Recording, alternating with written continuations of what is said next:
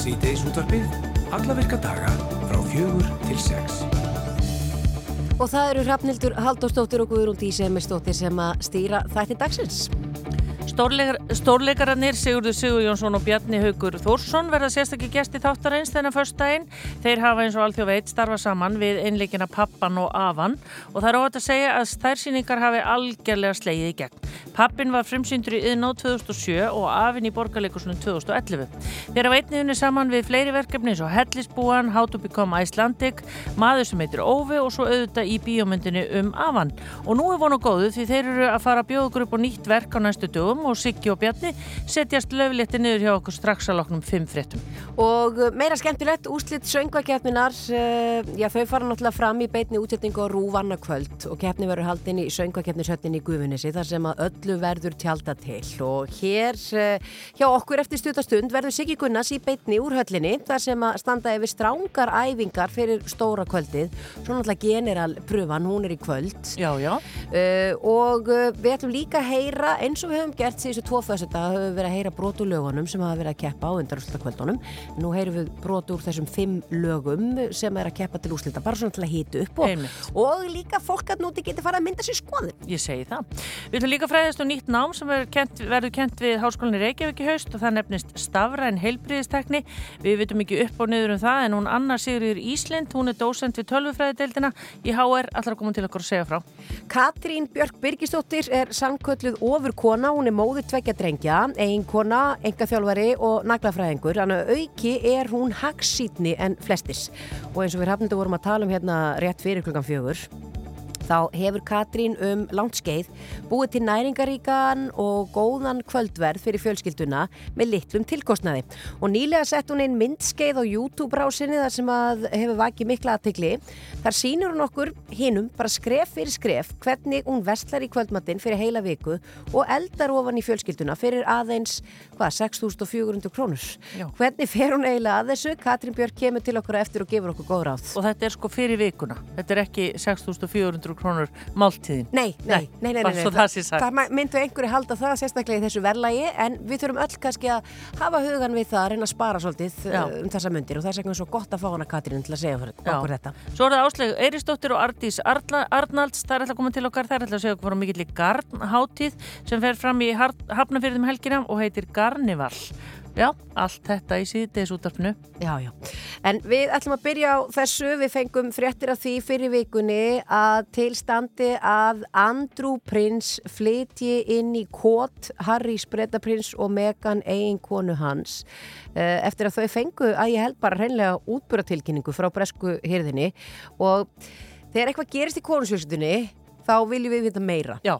Og við erum með sérstakann fréttamann hér sem er náttúrulega bara í alls konar fréttum en veit engar mikið um konusfjölstuna og það er hún Anna Lilja Þórusdóttir. Velkomin. Takk fyrir. Ég, var þetta bara svona, fengu þau bara útburða tilkynningu?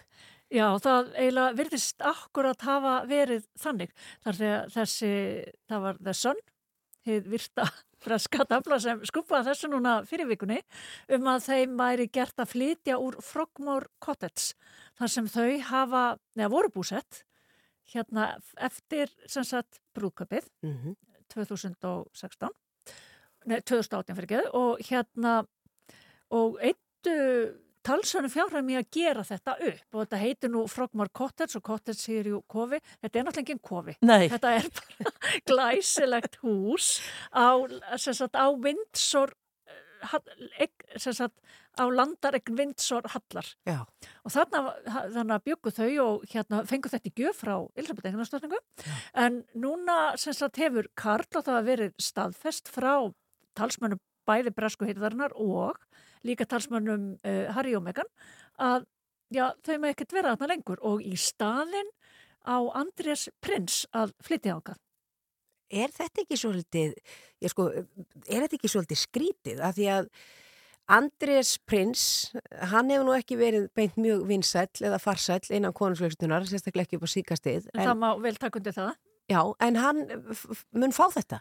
hann mun fá þetta og það sem er líka svolítið sérstakt er að hérna það verið sagt að þessi flutningur eða þau með ekki búa eða hafa afnótað þessu lengur, þau náttúrulega búi ekki þarna, þau búi í Kaliforníu bandaríkanum, að þau með ekki hafa afnótað þessu lengur vegna þess að þau eru ekki það sem kallast working royals, það er að segja að þau eru ekki fullu starfi sem meðlum í konusfjölskyldunar. Nú það er Andris ekki heldur. Nei, var hann ekki bannað að starfa fyrir bresku konarskristina? Jú, að góðum og gildum ástæðum. Og Andrés hefur búið í húsi sem er kallað Royal Lodge sem er líka sem sagt í eigu bresku konusfjölskylduna og er náttúrulega Karl hefur yfir á því við því núna. Þar hefur Andrés búið á samt fyrirvæmda eiginkonu sinni, Fergie.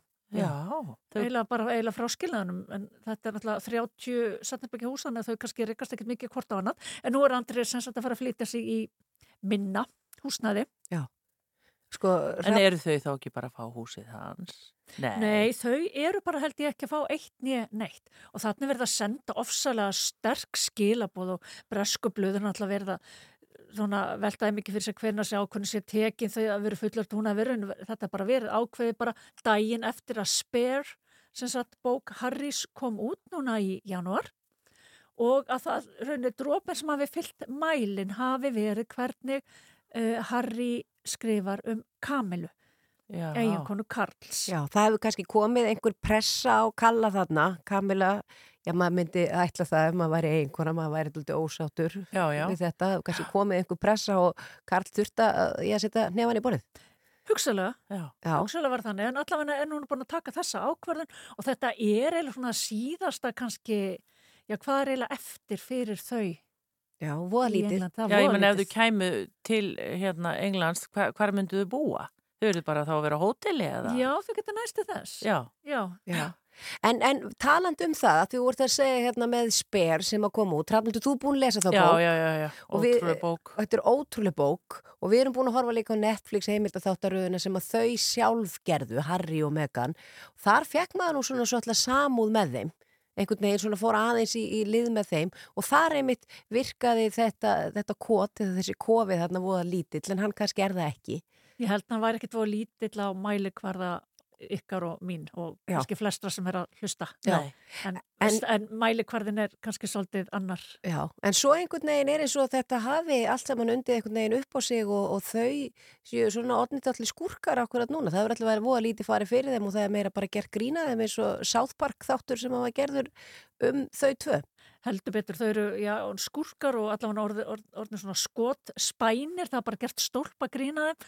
Nú þau sem hafa þekka til South Park þáttana vita það er náttúrulega ekki teilagt og það er sannlega ekki þessum þætti.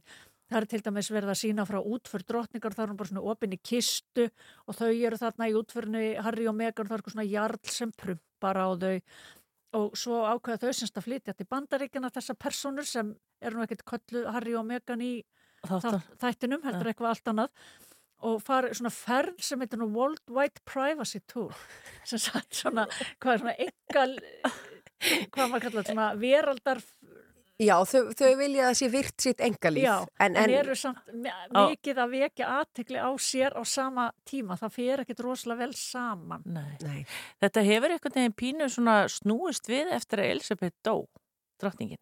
Þá hefur einhvern veginn, þetta, maður veit ekki hvort þessi staða væri svo sama. Ma, Það er svolítið erfitt að segja það hvort að hún hafi haldið eitthvað svona eitthvað hlífiskildi yfir þeim. Uh, Það er ómögulegt að segja, náttúrulega, bókin áttu náttúrulega að koma út fyrr, Já. sper. já, En útgáðum var frestað þarna í kjölfar andláts drottningar. Mm. Hvort að, það er svo sem ekkert mikið fjall um hana þessari bók sko, en Nei. hérna, já, hann tala mjög fallið um hana, finnst mér. já, en ekki illa, eins og hann talar um einmitt. flesta aðra. Nei, emmi. Þannig að það er óvist, mér finnst líklegt að hérna hún hefði ekki tekið í vel þessum hvernig hann talar um sína nánustu og sína fjölskyldu þó hún hafi ekki orðið fyrir sjálf orðið fyrir barðun á því. já, þau kvarta mikið yfir ágangi bladamanna, eðlilega, náttúrulega eftir í hvað gerist með díunu og allt þetta, en eins og í þáttunum, þá í raun eru þau sjálf bladamenn akkurat núna því þau eru aldrei svona að gefa upp um eitt og annað. En, en bara svona, þú veist, eh, varandi þau, eru þau, ég meina, hvernig fjármögnu þau þá sitt líf? Hann alltaf selur þetta þessa bók, hann lítur að fengi fullt af pening fyrir það. Hann hefur alveg vafalust fengið það vegna þess að þetta er svo bók sem hefur selst hraðast bara síðan var farið að já, svona mæla bóksölu og, en, en hérna það hef ekki, ég hef ekki síðan hennar tölur um það hluti af ágóðunum átt að fara til einhverju góðgerðamál, ég veit svo sem ekki hvort það er, það er hans eins góðgerðamál eða einhverju önnur, en svo gerðu þennan samning við Netflix, ég mann ekki upp að hvað hann hljóðaði, það voru ekkit litlar upphæðir. Nei, nei. Um framleiðslu og tilteknum fjölda, mynda og þátta. Já. Og hérna, þau eru ekkert að flæðiskeru stöld, en svo. nei. En búa náttúrulega bara ekki í ykkur kitru, þannig að fyrir vestan.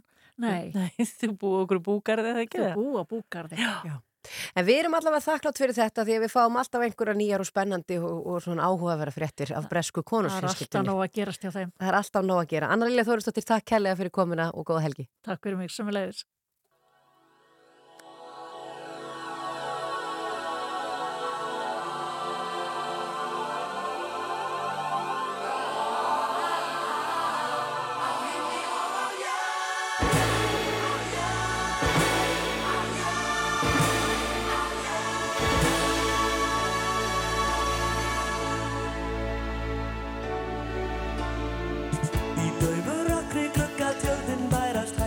Gluggan þinn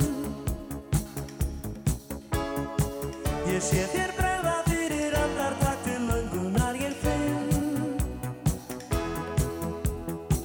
Því ég býð eitt hér úti og mig langar til að komast inn. En regnir streymir látlust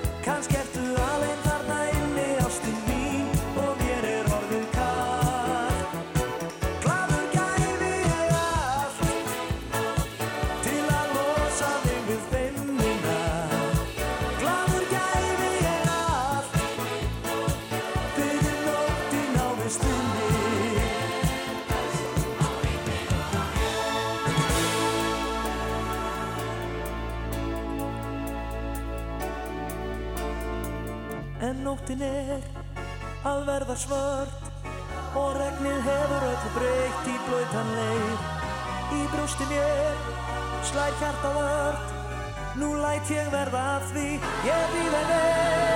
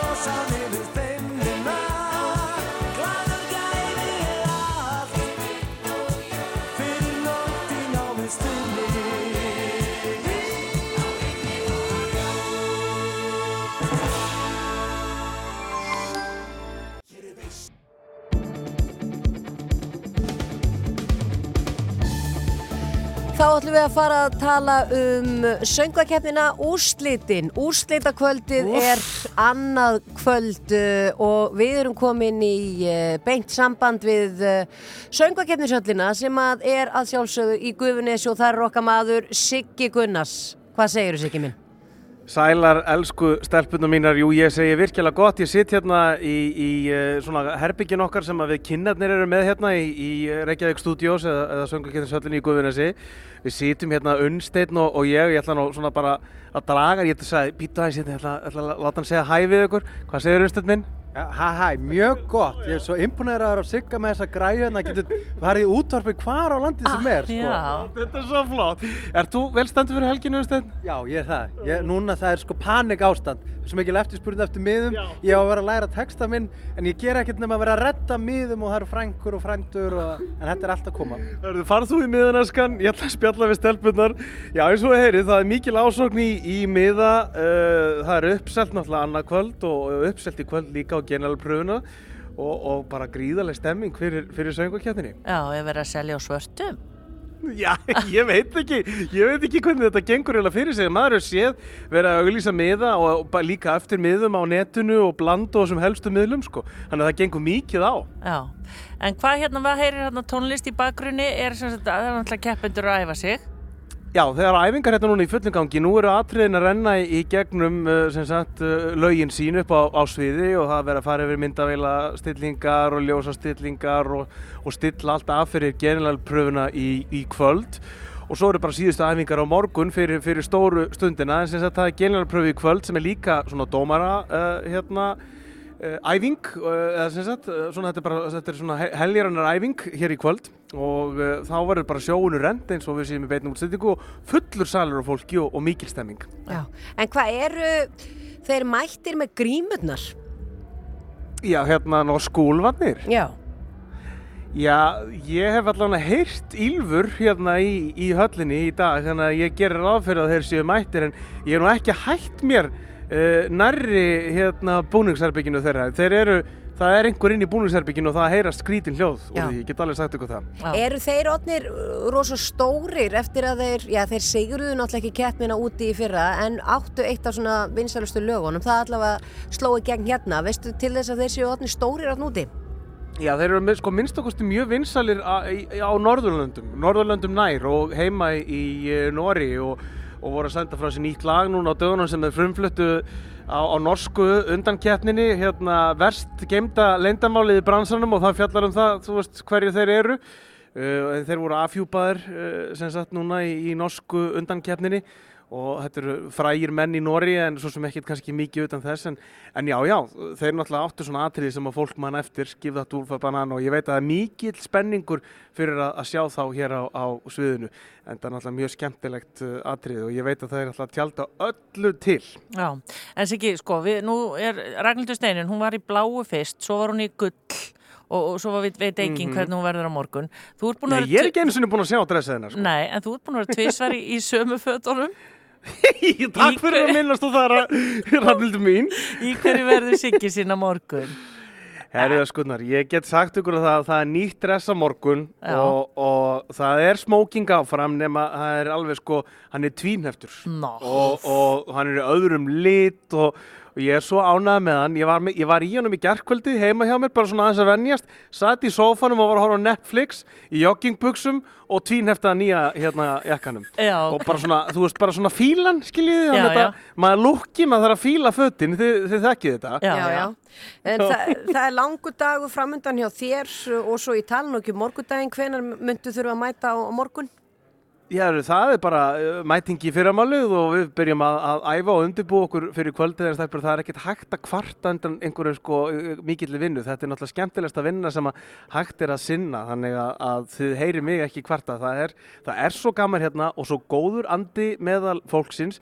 Keppindunir, ég veit þetta er klífsugjönd að segja, þetta er einhvern veginn orðin bara einn stór fjölskylda hérna. Þeir eru allir svona uh, með herbyggi eða búningsherbyggi hérna eftir einum gangi og, og búin að fara langt í að skreita og, og, og byggja upp stemmingu. Það eru kökur hérna og snakk í bóði sem þau eru að koma með, alls konar veitingar og það er bara svo gaman hérna að, að ég held að þið trúið ekki. Það er, bara, það er svo góð stemming meðal allra. Já, og það er ekkert óvænt, það er engin með hálsbólgu, það er allir hressir.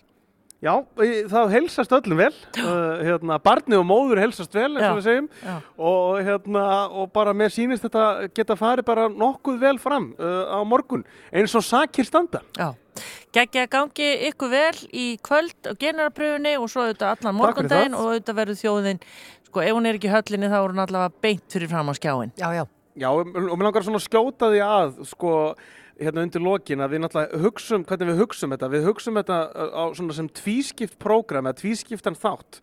Annars vegar er þetta keppnin sem er náttúrulega aðalmálið, það eru stærstu stjörnundar sem að, að er að taka þátt í keppninni, en svo er þetta líka bara skemmti þáttur, svona kvöldvaka fyrir alla þjóðina. Eh, þar sem við kynarnir reynum okkar besta að, að skemmta þjóðinni á svona gestum.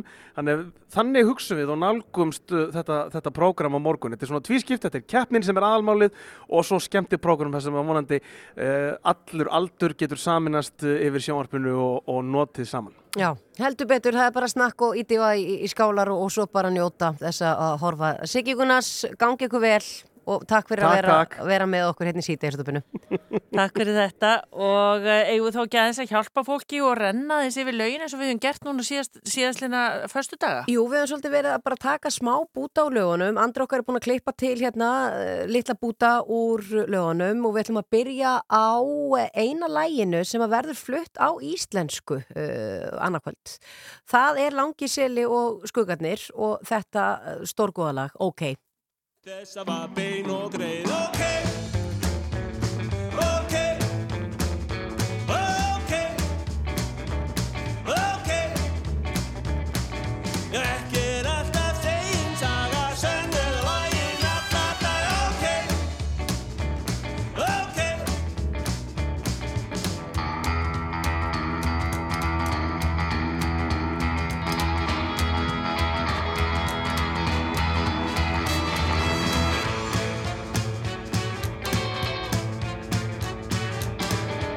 Það er ok, Langiseli og Skuggarnir og þá ætlum við að fara næst yfir hérna Diljá og uh, núna er lægi, það er búið að snara því yfir á enskuna og það heitir Power.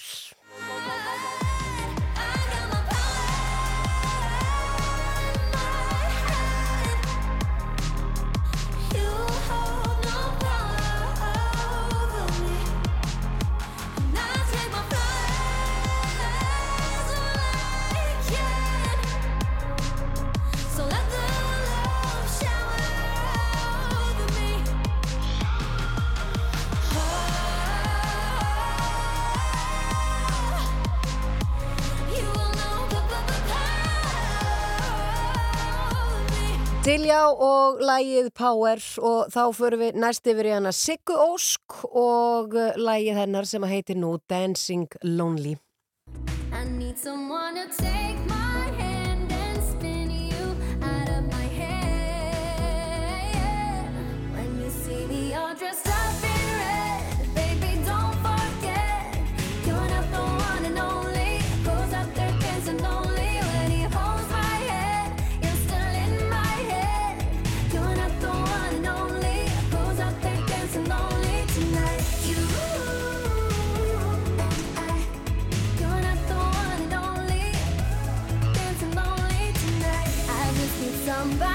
Já, hún Sigga Ósk flytur þetta lag sem að heitir Dancing Lonely og uh, við ætlum næst að fara yfir í hann Braga og lagið Sometimes the World's Against You. and carry on through every storm. I promise you, I'm here for you when days grow cold. We carry on, we'll make a home. I'll pull you through, Sometimes the world's against us, but I'll always be beside you.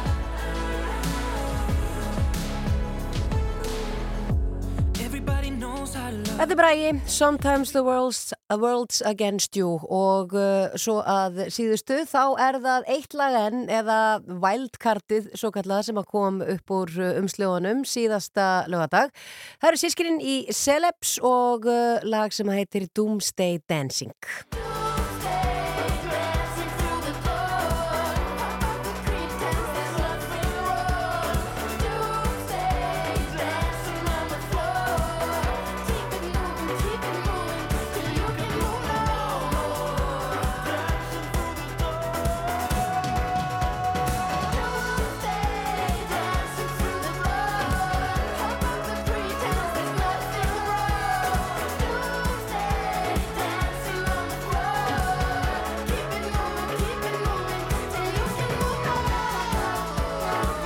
Celebs og Doomsday Dancing, þetta var sagt uh, brot úr lögunum 5 sem að keppa á úslitakvöldi söngakeppninar annað kvöld hér. Vá, það verður spennandi.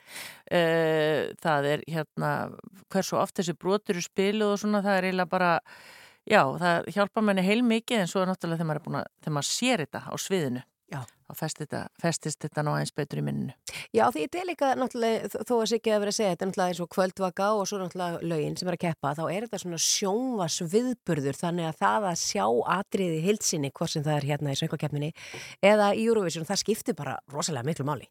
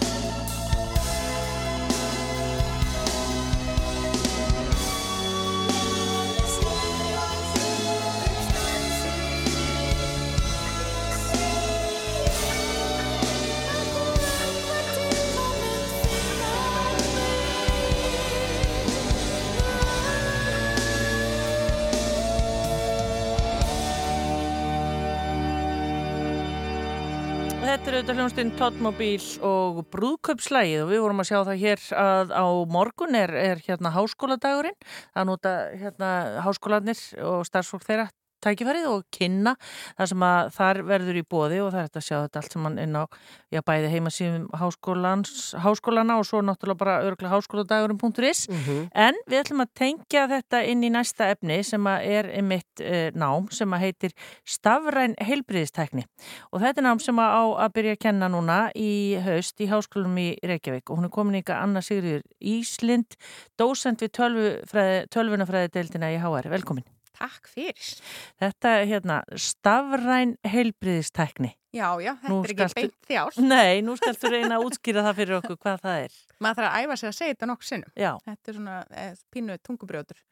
Uh, stafræn helbriðistækni er semst nýtt meistaranám sem er þverfaglegt sem þýðir semst að við munum taka inn fólk sem er annars vegar með tækni þekkingu eða tækni bakgrunn til að mynda tölvunafræði eða einhvers konar verkfræði Já, og hins vegar fólk sem er með bakgrunn í, í heilbreyðskeranum, hjúgrunafræði, uh, læknsfræði eða hvað sem er og leiða þau saman til þess að hérna, búa til stafræna heilbreyðstekni og vinna með heilbreyðsköpn til þess að reyna að hérna, bæta heilbreyðstekni framtíðunar. Já. Er þetta, ég, nú er ég bara að sjá fyrir mér, er þetta til dæmis til þess að það verði í framtíðinni þannig að maður þurfi ekki endilega að fara til læknis, maður getur bara að spjalla við hann einhvern veginn í gegnum einhverja græði og þetta, þessu verður bara öllu rettað.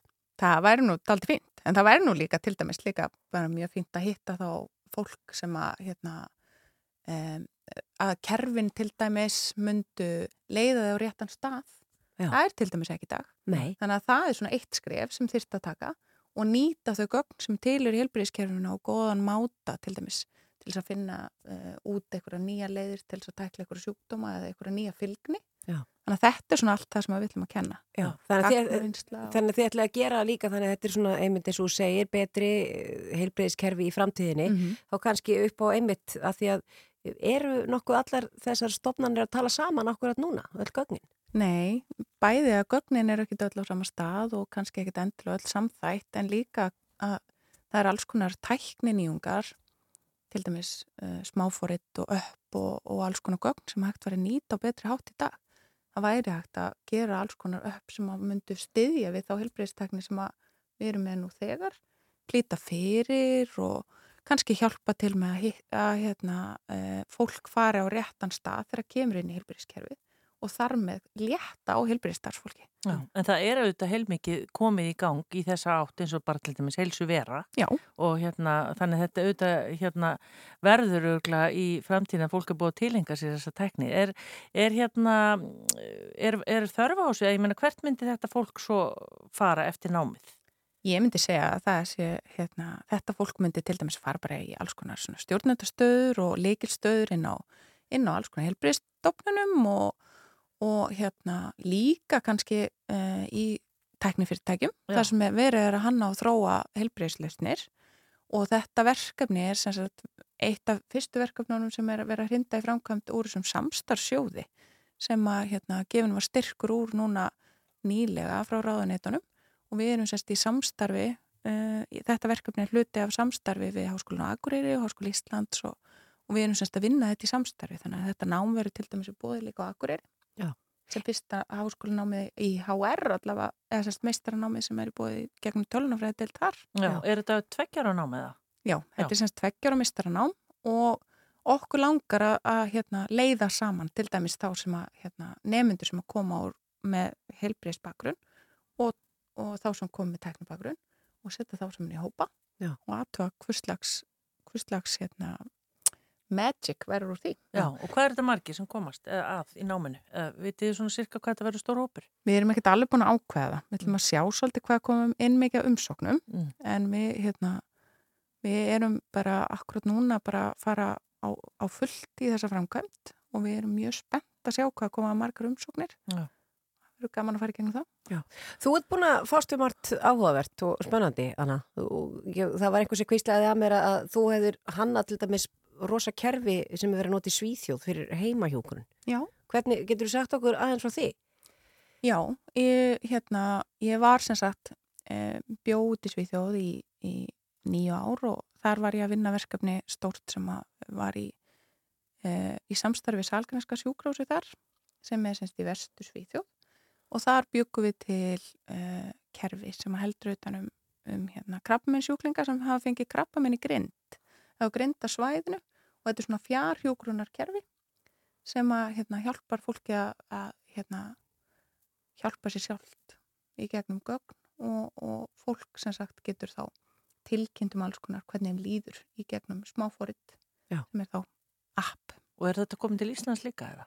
Við, það, svo er það. Það er kannski eh, eitt af næstu skrefum. Ég var alveg til að gera eitthvað í þessu hér. Já.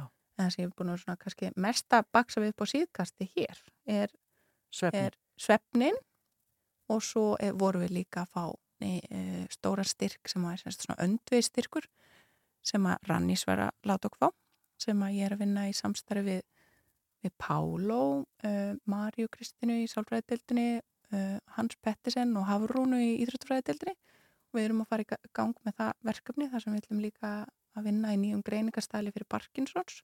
Þannig að þetta er allt svona heilbreyðstekni. Já, já. Vá, þetta er allt spennandi maður. Vá, spennandi. Eh, Getur þú sagt okkur aðeins frá þessum háskóladegi? Hva- Hvenær, hann er á morgun? Já, hann er geggjar. Já, er það ekki? Jú. Og þar er mitt allt sem að þú búin að vera að segja okkur ef fólk eru áhuga á þessu væntalega hægt að fá ennþá meiri upplýsingar. Já, allt, allt þetta og líka hægt að fá fullt af upplýsingum um allt grunnám sem er í bóði uh, og þessi, það er líka hægt að koma og fara bara í kennslustund og ég mæla eindreið með því ef ykkur er að velta fyrir sér háskólanámi að koma bara og prófa að setjast í kennslustund. Já. Heyra til dæmis yngvað í tölunafræðidildin tala um gerfugrind. Hvernig maður á að ska, gera skák og mát við, við gerfugrind. Það er alveg skemmtlegt sko. Já, þetta er magnað. Og hvenar hefst háskóladagurinn? Mm, Þetta Það er allavega. örugglega- Já, það er auðvitað mismunandi eins og hjá ykkur í háskólanum með háskóladagun, það er 12 til 3. Já. Þú fer bara inn á háskóladagurum.is, ég vissi að það var heima síðan. Rafnildur með Já, þetta. já, það Þú er ert 12 svo til góð í 3. tækninni. Já, Já, já. Þetta er auðvitað bara hérna, háskólinn Akureyri, háskólinn Hólum, háskólinn Bifuröst, Landbúnaháskólinn, Háskóli Íslands, háskólinn Reykjavík og Listaháskóli Já, Íslands. þetta er glæsild að setja að sjá þetta allt saman á einu stað. Rafnhildur. Ha. Já, Það er svona með tæknina. Já, annars er ég einhvern veginn uh, rekna ég með þetta sé ekki síðast skipti sem við fáum því hérna í síðustu með við allt sem er, er framundan uh, bara gangið vel með þetta og við hvetjum fólk til þess að kynna sér þetta ná. Takk fyrir.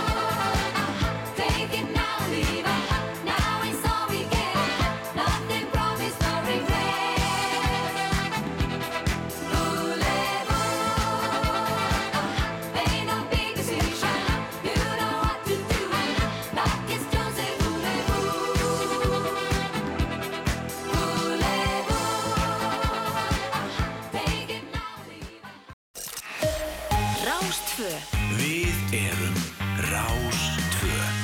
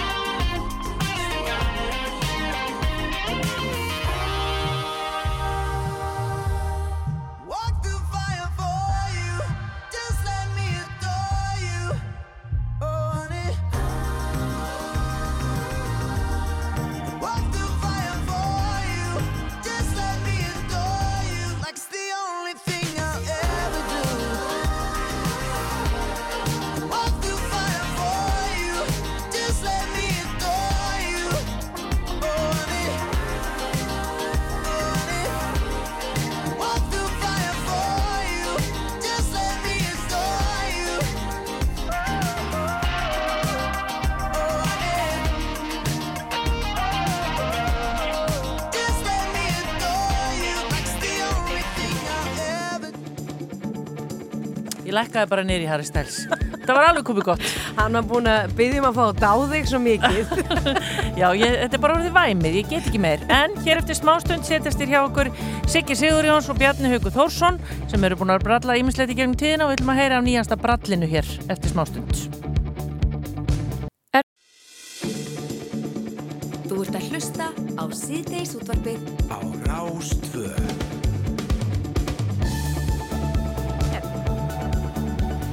við vorum búin að lofa þig hér í upphæði þáttar að við myndum fá til okkar stórleikara uh, og uh, já, þeir eru líka leikstjórar, þeir eru svo margt. Siggi Sigurjóns og Bjarni Haugur Þórsson eru mættið til okkar og eru sérstakir förstudagsgestir.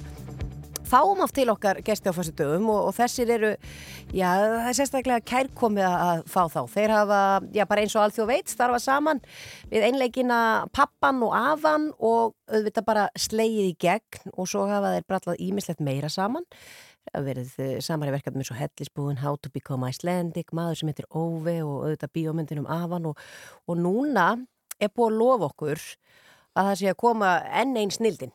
Bara velkomnir. Já, takk, Já, takk, takk, takk. takk fyrir.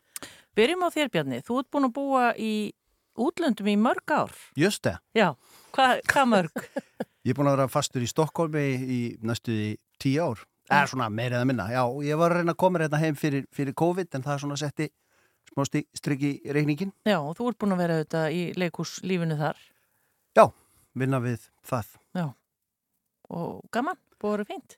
Já, m- mjög, mjög fræðandi sko og skemmtilegt og bara, já, já, bara hef saknað Íslands og, og vinna minna og Og auðvitað Sigga og og- ykkar og, Já, já. og, og það er bara svo gott að vera hérna. Já, En hvernig ert í sænskunni? Ég- Ganska bra, tror ég. Já, já, þetta er bara aftalandi. Þetta er bara svoleiðis. Ha, en Siggi, þú, er nú ekkert- þú ert ekkit, já, bara skreppur aðeins til útlanda. Nei, ég er nú bara í hafna fyrir það Já, og vinn í Reykjavík. já. Þannig að, Hann er alltaf í útlöndum. já, það er ferðarlega hverjum degi hjá mér, sko. Já, já. En hvað, þið er náttúrulega væntalega eftir þetta nána samstarf, hefur þið alltaf búin að vera í sambandi bara? Eða? Já, við höfum, við höfum alveg haldið hérna sambandi Já, og svo það hefur verið sjór á mill okkar Já, já. en við höfum bara ringst reglulega og við höfum hilst út í Svíþjóð unni sama þar meira segja og hérna, já, alltaf þegar Bjarni er hérna hittistu nú alltaf. Já. hvernig byrjaði þetta hjá ykkur? Já, 2007 vorum að finna það, var það ekki hérna fyrsta, Hellisbúin. Hellisbúin. Það var 98. það var fyrirgjöðu Hann var fyrir- 98. Það býð, veist, þetta er bara 25 ár síðan að náttúrulega, þetta- maður verður ringlaður, það er Já, ég bara kynnist Bjarnar þá í fyrsta skipti, Já. vissi náttúrulega á honum, hann bara kemur með þetta handri til mín hérna að hellisbúinum og spyr hvort ég vil ekki leikstýra þessu. Mm. Ég hafði ekkert mikla reynsla því að leikstýra á, á þeim tíma. Já, þú varst nú, þú varst nú með tvær aðra Jó, reyndar eh, að sýningar. Já, ég, þetta var svona, ég, ég var að byrja leikstýra allavega á þessum tíma. Þannig ég létt til leðast og hér erum við mörgum árum Já, síðan. en af hverju, Bjarni, af hverju valdur Sigga og, og Með þetta er góð spurning, ég var aldrei spurt á Spögstu það, það er lítið að vera spögstu. Ég hringdi fyrst í Pálma, hann svaraði ekki. Já, já. nei, nei, ba- Siggi, ég meina auðvitað. Já, Siggi Sigurjóns, Já, ég uppáðsleikari minn og, Já, já. og, og, og bara leit upp til hans og, og ef, ég hugsaði bara ef ég, ef ég á ringi ykkur, ég, þá ringi ég auðvitað bara Sigga. já. Já, Er- reynda sagði ég bara já. Einmitt. Og við rifum þetta upp, það er semst 98, þá var það hellisbúin. Og hvað gerir svo? Ég veit ekki, við þurfum ekki að vera nákvæmt, en hvað er svo næsta verkefni? Hjá okkur? Já, Uh, við, við förum í pappan, já, það er 2007. það er 2007 Já, og svo förum við í Avan, er það já. ekki? Þá, þá sem skrifar Bjarni onni mig, þá ligg ég af hann, þá er ég orðin afi. Og þá er það 2011. Þetta er ég með nokkuð á hreinu. Já, svo, svo man ég að við settum líka upp eitthvað hérna manstu í salnum í Kópói. Já, já, já, já. Hvers virði er ég, áhlis? Já, já. Eh, og svo, en það var eitthvað tengt ykkur um banka held ég. já, já. Og svo uh, Óve, Óve, einleikur í þjóðleikusinu, Já, maður nafni Óve. Einmitt. Og svo sama tíma ári í borgarleikusinu. Já, setti það upp saman. Uh, og svo var Og svo er það bíómyndin. Og svo svo Þetta er ekkit smála. Og, en við höfum aldrei semst leiki saman áður. Þannig að það var orðið tímabært að við myndum bara skella í þann graut, sko. Já, Og, og, og, núna erum við saman upp á sviði. já. og nú, nú þurfum það að segja okkur. Hvað? Við vorum einmitt að koma bara æfingu á hann Já, og við vorum að tala um það í bílnu hérna á leiðinu upp yfir. Siggi var með soldin kvíða því að hann vissi ekki alveg hvort hann myndi fá stæði fyrir utan hjá Rúf. en það gekk nú rosalega vel. En við vorum einmitt að æfa mjög skemmtilega senu á þann þar sem að hérna, þessi karakterin minn fyrir herraklippingu sem mistókst. Sem sagt, geldingu þá vantarlega. já, og, hérna, og það var mjög fyndið og við eins og við gerum vennilega þegar við erum að leika eða höfum verið í þessum meilingum þá breyðum við okkur í, í alls konar hlutverk mm. nema hvað nú erum við eins og Siggi var að segja báður á sviðinu þannig að ég er að leika sérst bara mig, eh, karakterinn að fara í herraklippingu og láta klippa á og hann er læknirinn Já, og já. ég er eitthvað að lýsa svona læknirum og já, hann er svona að sköllóttur og svona einu, eiginlega bara svona eins og lappandi ég. og þá byrja Siggi, já, ég hef nú leikið allt meira eða minna. Ég hef aldrei leikið lappandi dillingáður en típisku Siggi hann bara fór í það mál. Og ég og Góin alltaf bara endum á gólfinu. Heyrðu, já, ég, ég, en svo segir bara sjónverður sögur ykkar við sjáum hvað, hvað færi að vera inni af þessu þessum spunar frá því hvað, hvað heitir þetta verk? þetta heitir, byrju, hvað, þetta heitir Pappin finnur afan Já, og þið eru þið þá að leika feðga Nei, Nei. Þið eru ekki að leika ég er feðga? sem sagt að er að leika afa eins og gefur að skilja Já, já. og Bjarni er pappin hvort að þetta eru sömu personur og voru í, í Ekkert endilega en svona bæðu og Já. Það er bæðu og þetta er bara, þetta er tvær kynnslóður sem mætast og við erum stattur á flugvelli erum, erum vinir og erum að fara til Kanaríu í að spila golf Já, já, já, já. og það er senkun í fluginu minn er, er, er, er alveg fljúandi hérna, flugrættur og þorir ekki að Sko fljúga. svakalega hrættur Já. Já, alvarlega hrættur og hérna það er senkun á fluginu og það er ímjöld sem gerist þarna í flugstöðinni og þið, þið hafið fengið góa með ykkur þá núna Já, Já. Það er Og- svolítið og það var- skemmtileg, skemmtilegt mix Já. já og það okkur, við vorum ekkert lengi að velja góð og hann saði sem betur fyrir já og hann fittar algjörlega inn í hópin Já. En er þetta eftir þig eða? Já, ég, við erum nú yfirleitt þannig að ég, sem sagt, ég, ég ger eitthvað uppkast og svo byrjum við bara að vinna það og, og, og svo breytum við því og, og ég fyrir heim og, og laga og Og svo bætist svo allt í einu lappandi til Já, ykkur já. inn í Já, svo- verkið svo og kemur en, það en, sem að stingur gerir upp á. lítið út í Bjarni að er höfundu verksins að sjálfsögðu Ekkert ekki lítið því. Nei, Þannig að við svona erum að vinna þetta bara Já, já. sama við þrýr og svo eru konur aðrir auðvitað með okkur í tónlist og, og ljósum og Já. Og hvar verður þetta sínt? Við ætlum að þetta í Hörpu í Kaldalóni Já, já, já. sem er minnsti salurinn í, í, í eða sérst, þessi salur hérna á, jarð, eða á fyrstu hæðinni Já. glæsilegu salur Já. Þetta er aðeins já við erum bara vonandi að þetta verði, verði pínlindi spauðilegt og fyndið Já. og hérna, en vonandi og aðalmálið er nú að það sé eitthvað hjarta í þessu og kjött á beinunum Mhm. og þetta getur kannski komið okkur við Mm Þú segir tónlist er uh, brestið í söng eða? Það er ekkert gefið upp. Nei. Nei. Nei, en við gefum undir fótinn með það Já, já. Frank Hall Já. er okkur sem að þið þekki nú hérna á. Já, fyrirverandi dagskastjórun okkar. Já, já, og, og tónlistamæður og tónskáld, hann já. er semur sérstaklega tónlist fyrir okkur, Já. fyrir síninguna. En skemmtilegt. Þetta er Þá geggjað. er við bara eftir að segja hvenar, þið hljóta ekki að gefa það upp, hvenar er frumsýning? Já, ef Siggi fær stæði nei, í hörpu, þá... Það er nú risastórt bílastæðahús undir Já, hörpu, þannig að það, það er þess vegna sem þið völduð hörpuna. Já, það, það er ég alveg örugur sko. 15. mars. 15. Já, það styttist í þetta. Já, já, eins gott að fara að spýti lóanam bjöði Já, Já, þetta er líka bara einhvern veginn dáslöld því það eru sko marga kynsluður sem hafa séð bæði hellisbúan, pappan, afan Ég er Já, ennþá já. í sjokki að það hafi verið sínt 98. 98. Ég gleym ekki þessari síningu, sko. Þetta er náttúrulega bara, situr alveg fast í minninu, já, sko. ég skilji, 98, já. Já, Hellisbúinn já, já, já, já. 98 Já, ég, mér, ég sá þetta meiri sér að Já, var skemmtilegt þú verður með svona er það var ekki svo En hún er ennþá að hlægi, ég spurði hvort hún hefði drukkið bjórlíki, þannig á bjórdaginn, þá voru hún nýjára. Já, Já, ég benti ná að það það skerðist ekki þörf, hann var leiður þegar ég var nýjára þannig að svona. En þetta er gaman kynsluðabilið, þetta Já. er bara svona. En það er búið að vera gaman að fá okkur til okkar, Siggi Sigurjóns og Bjarni Haugur. Við hlökkum, og ég held ég bara tali fyrir marga, hlökkum til þess að sjá ykkur saman á sviðinu í hörpu. Þetta er nú eitthvað sem að ég held að vel flesti geti tengt við. Já, bara eins og öll líka verk. Takk fyrir komuna og góða helgi. já, sem leið. kærar þakkir. Ta takk fyrir. Pain inspired by fear. Don't kid yourself. Life doesn't have a safety net. If only we could be be strangers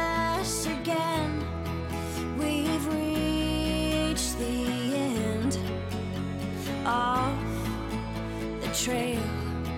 The reason of everything is tomorrow isn't promised. Life is a dangerous field of wildflowers. How does it feel to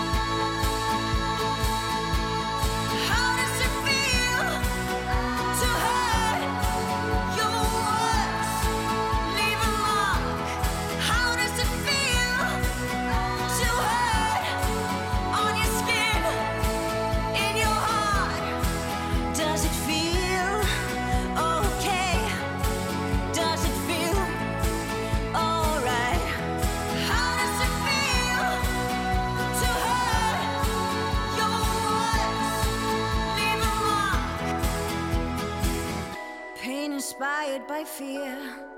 Don't kid yourself.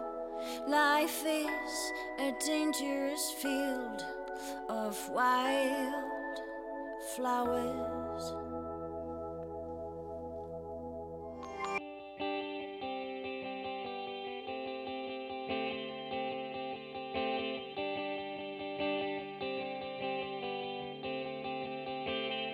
You said you wanted to feel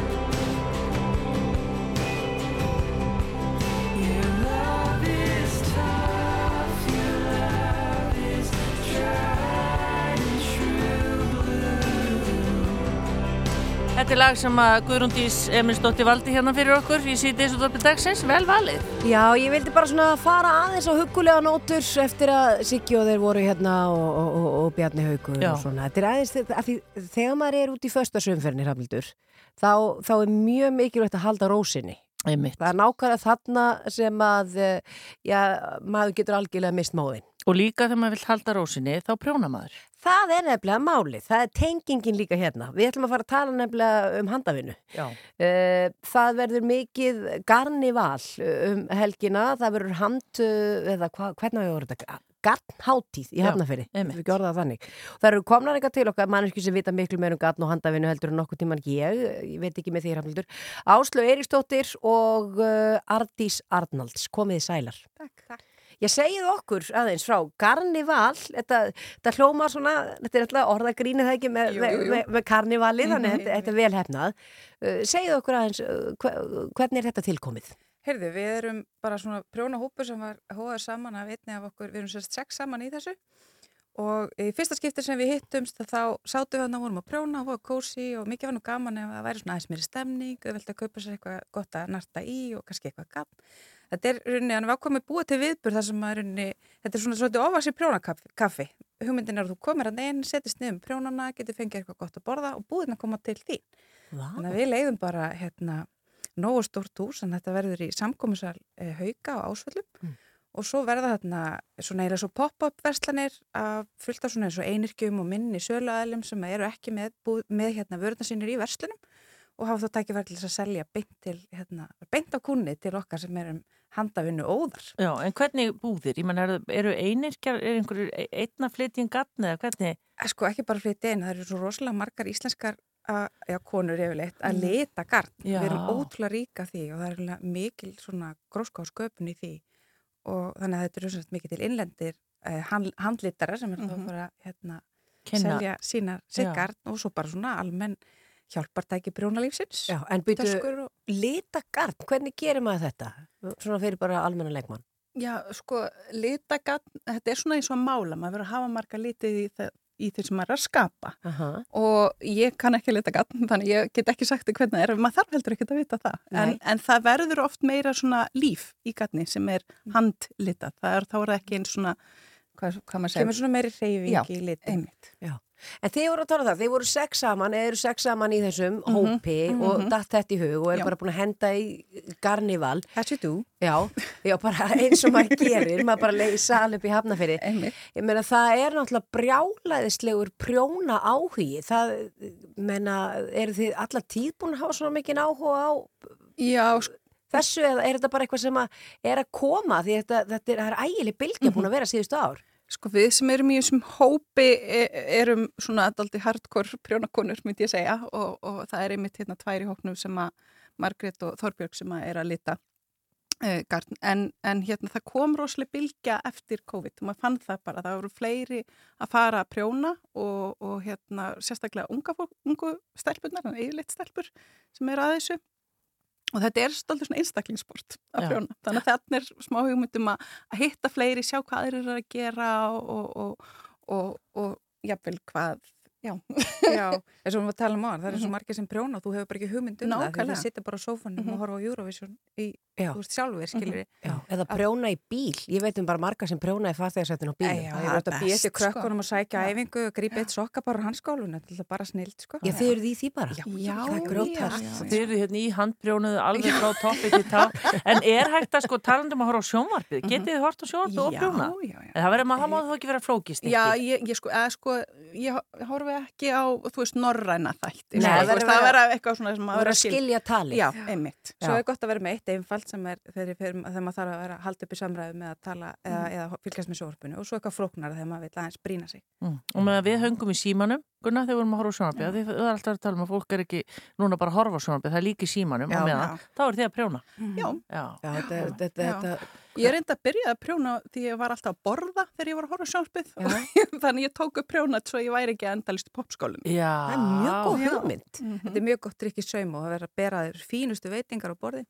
Það er mjög upptekið við að prjóna, það fer aðeins minna inn yfir. Já. En það er nú ekki markmið þarna um Nei, nei, helgina. ætlum við nefnilega, að því við fáum nefnilega alveg frábæra, hérna, frábæran hópa fólki sem er alltaf að selja veitingar.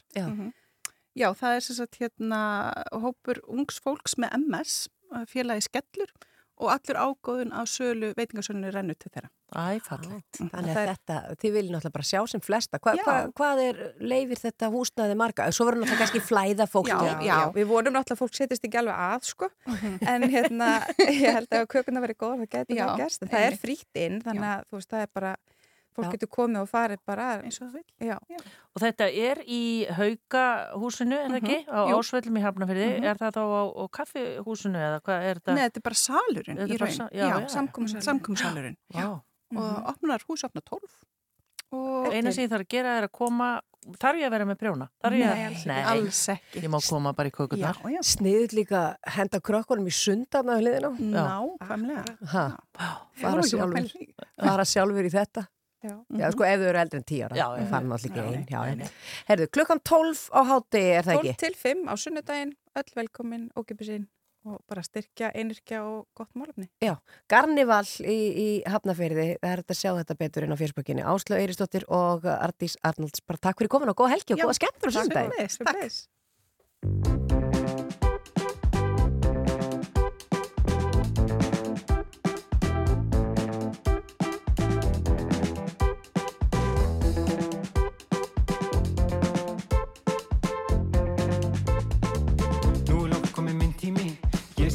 Sest niður, læt úr mig líða. Veit ekki alveg hvað mér langar í Svo ég ákveða hingrað eins og býða Er það lakrís eða hlaupangsi? Bara það sem veldur ekki bakflæði. Eitthvað sem liða mína þjáningar Og vekur ekki upp á þægilegar spurningar.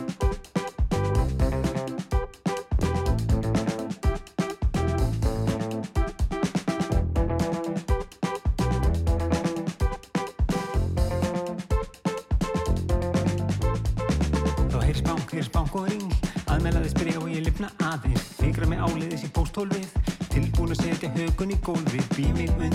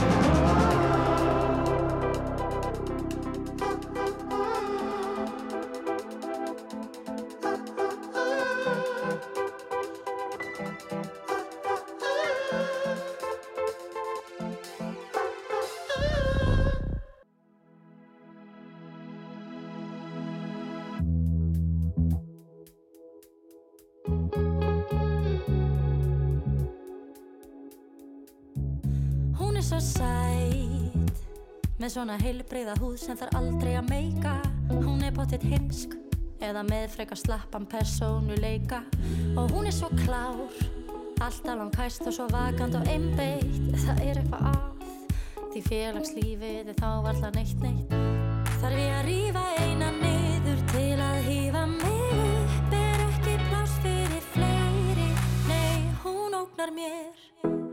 ógnar henni, sem ógnar henni, sem ógnar þér. Sem ógnar henni, sem ógnar henni, sem ógnar mér. Sem ógnar henni, sem ógnar henni, sem ógnar þér.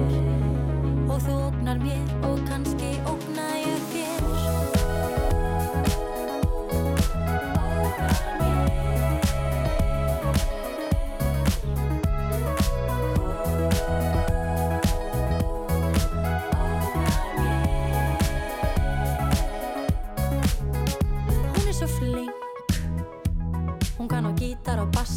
strákarnir fíla En ég hef nú heyrt að það sé svolítið erfitt við hana að díla. Og hún er svo snjöll Allir hlusta og hlæja þegar hún opnar munnin En eftir tvö ár verður fræðarsól hennar eflaust úr brunnin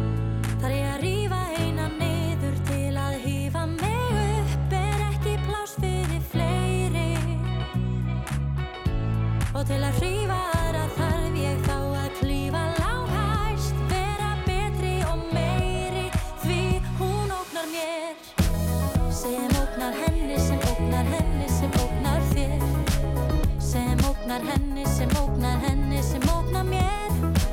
Sem ógnar henni, sem ógnar henni, sem ógnar þér. Og þú ógnar mér og kannski ógna ég þér. En er það að segja um aðra stelpu að hún sé sæt og klár og frábær eins og að auðsa vatni og brunni með takmörkuðu vatni? Ef ég gef þér tek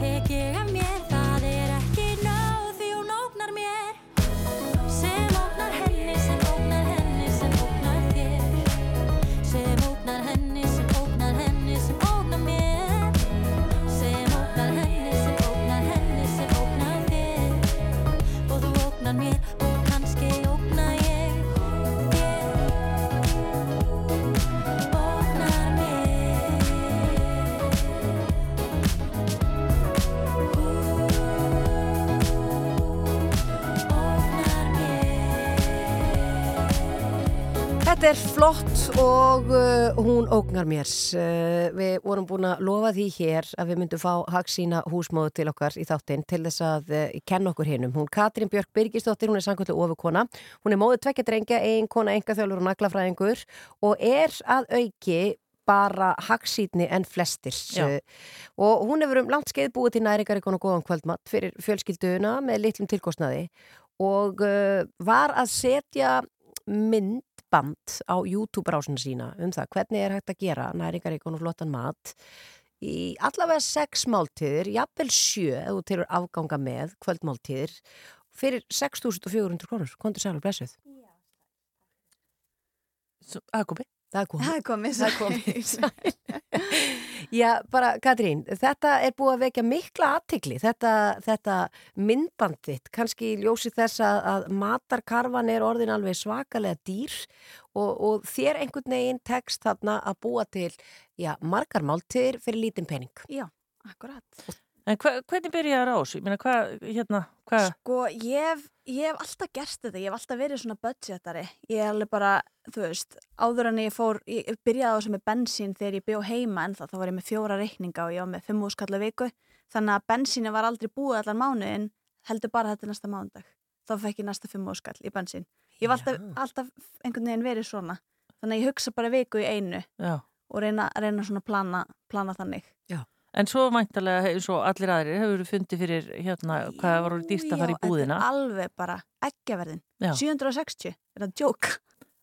Þetta er bara, þetta er, þetta er já, þetta er allt búið að hækka rosalega. Já. En þá þurfum við líka bara að breyta og bæta. Og ég er rosalega mikið í því að, að þá þarf að hafa budget.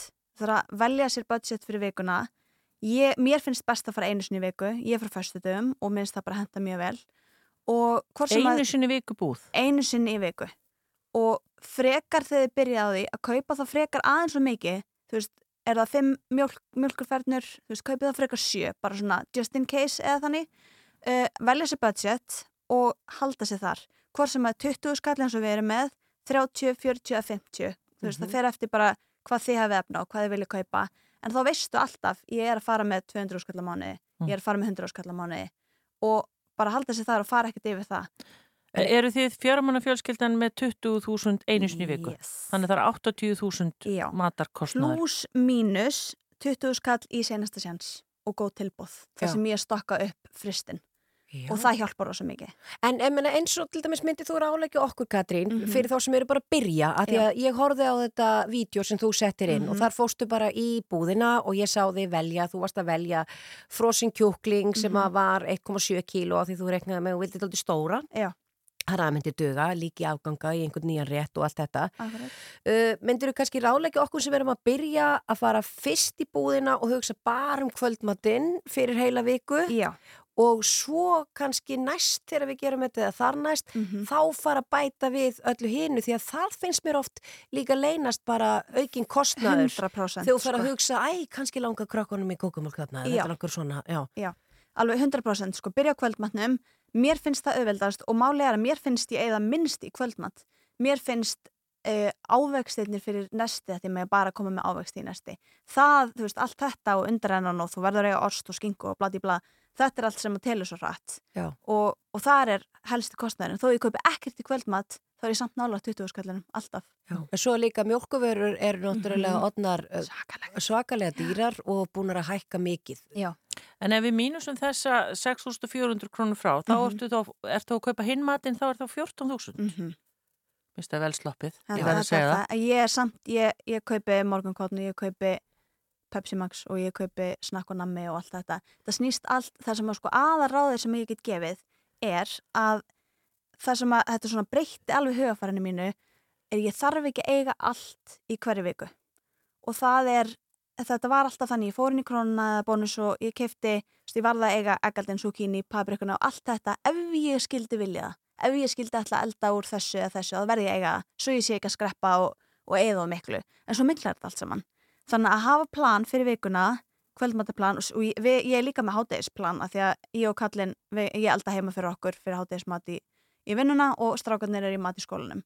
Þannig að ég er með plan fyrir það, við borðum öll morgunkotna mótana bara, ristabröðu eitthvað svona einfalt og þá er ég búin að plana líka fyrir það en það skiptir svo miklu máli eins og í mataplaninu sem ég setti inn á YouTube að reyna að, að kaupa eitthvað sem þú getur nýtt í margar máltíðir. Já.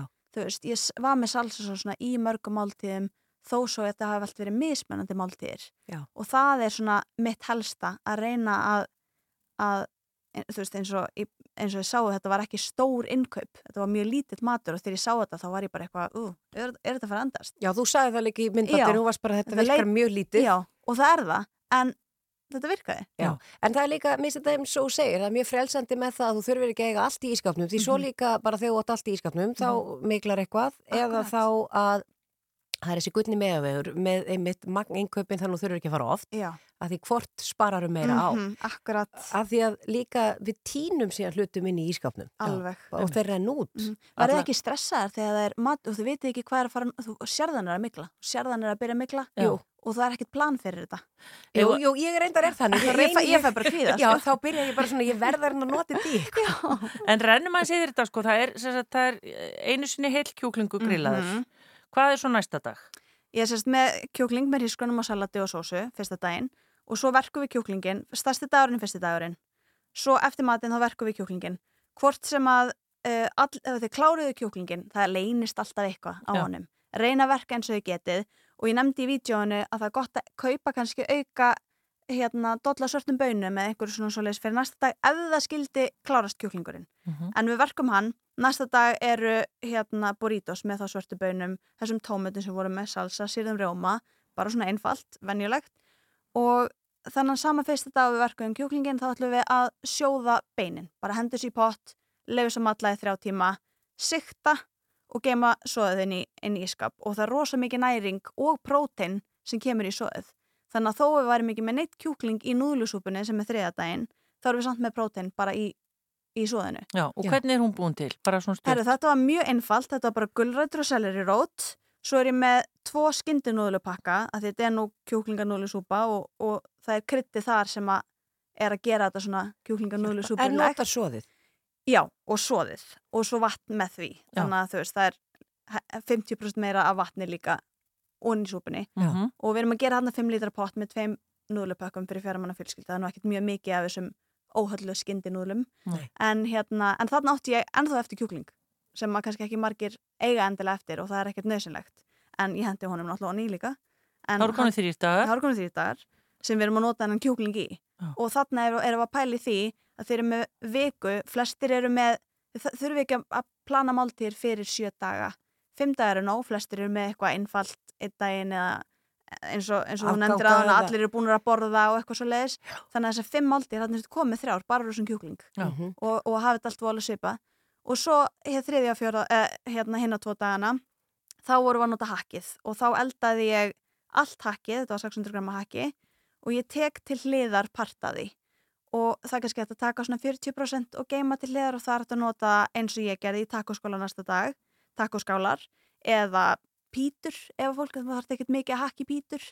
En þarna setur þetta í sósuna og það er enginn að fara að taka eftir í hvort þú notaði 600 gram eða 400 gram hakki í pastasósuna fyrir hakka og spagetti sem er, er þarna eina máltíðanum og svo líka hægt að gera eins og margir talum fyrir starri fjölskyldur, þú getur vel haft þetta mataplan en kannski bætt við pakka af þurrum linsubunum og ég veit um mörg vegan hakk og spagetti þar sem er notað linsubunir í staðin það eru lengið að fara að taka eftir því heldur. Já, og svo- Er líka að af hafa þetta mataplan fyrir þá kannski stærri fjölskyldur Já. eða, eða ef þú ert með stærri börn og verið þá bara með tvo kjúklinga. Já, 100% og þá ertu að bæta kannski við hvað 1500 kalli Já, eða eitthvað? 1500 kalli en, en það dugar samt Já, þú mögulega. getur bara, og, og þú getur alveg bætt við hérna, pakka af bagettbröðum til að hafa með eða kvíðlisbröð með hakk og spagettíinu eitthvað svona til að drýja.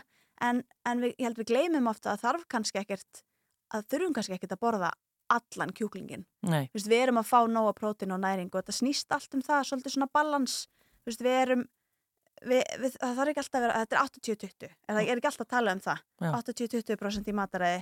Reyna að hafa þetta frekar holt og jamt en svo náttúrulega þegar maður er að reyna að spara það þarf að vera eitthvað svona eitthvað svona shortcutin að milli Já, en svo öllum þess að því þú leggur áherslu að þessi holt, Mhm. næsta vika, ég meina, er, ég meina, ertu flinka að elda því að margir myndu bara, ó, hvað ætti þá að gera í viku tvö? Já. Af því maður getur ekki alltaf verið með það sama. Nei, þá, þá bara kemur að því að kíkja aftur inn á YouTube af því að það er að fara að koma fleiri myndbönd ég gerði hverju viku Já. þannig að ég ætla bara að vera dugleg að, að henda inn helst vikulega kannski tveimur svona myndböndum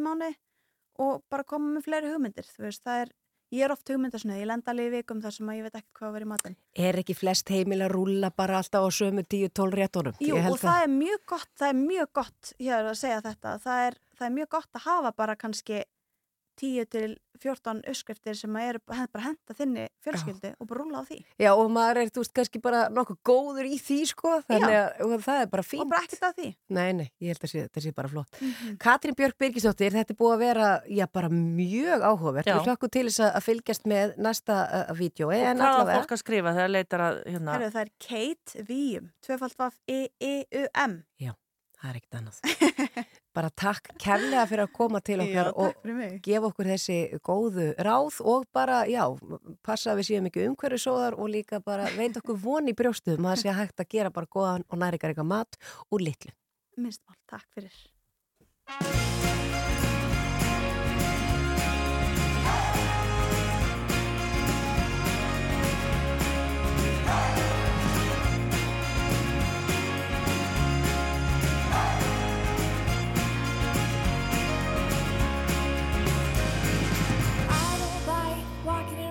Around this old and empty house. So hold my hand, I'll walk with you, my dear. The stars creak as you sleep, it's keeping me awake. It's the house telling you to close your eyes. And some days I can't even trust myself.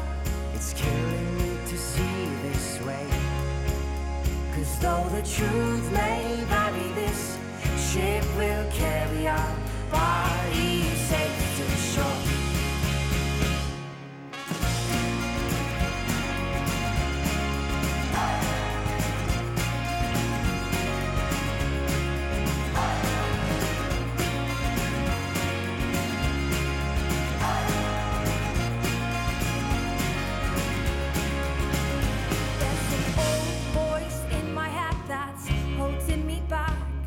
Well, tell her that I miss our little talks.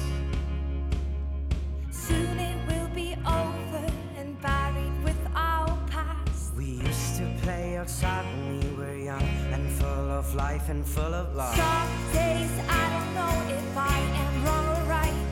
Your mind is playing tricks on me, my dear. Cause though the truth may bury this ship will carry our bodies.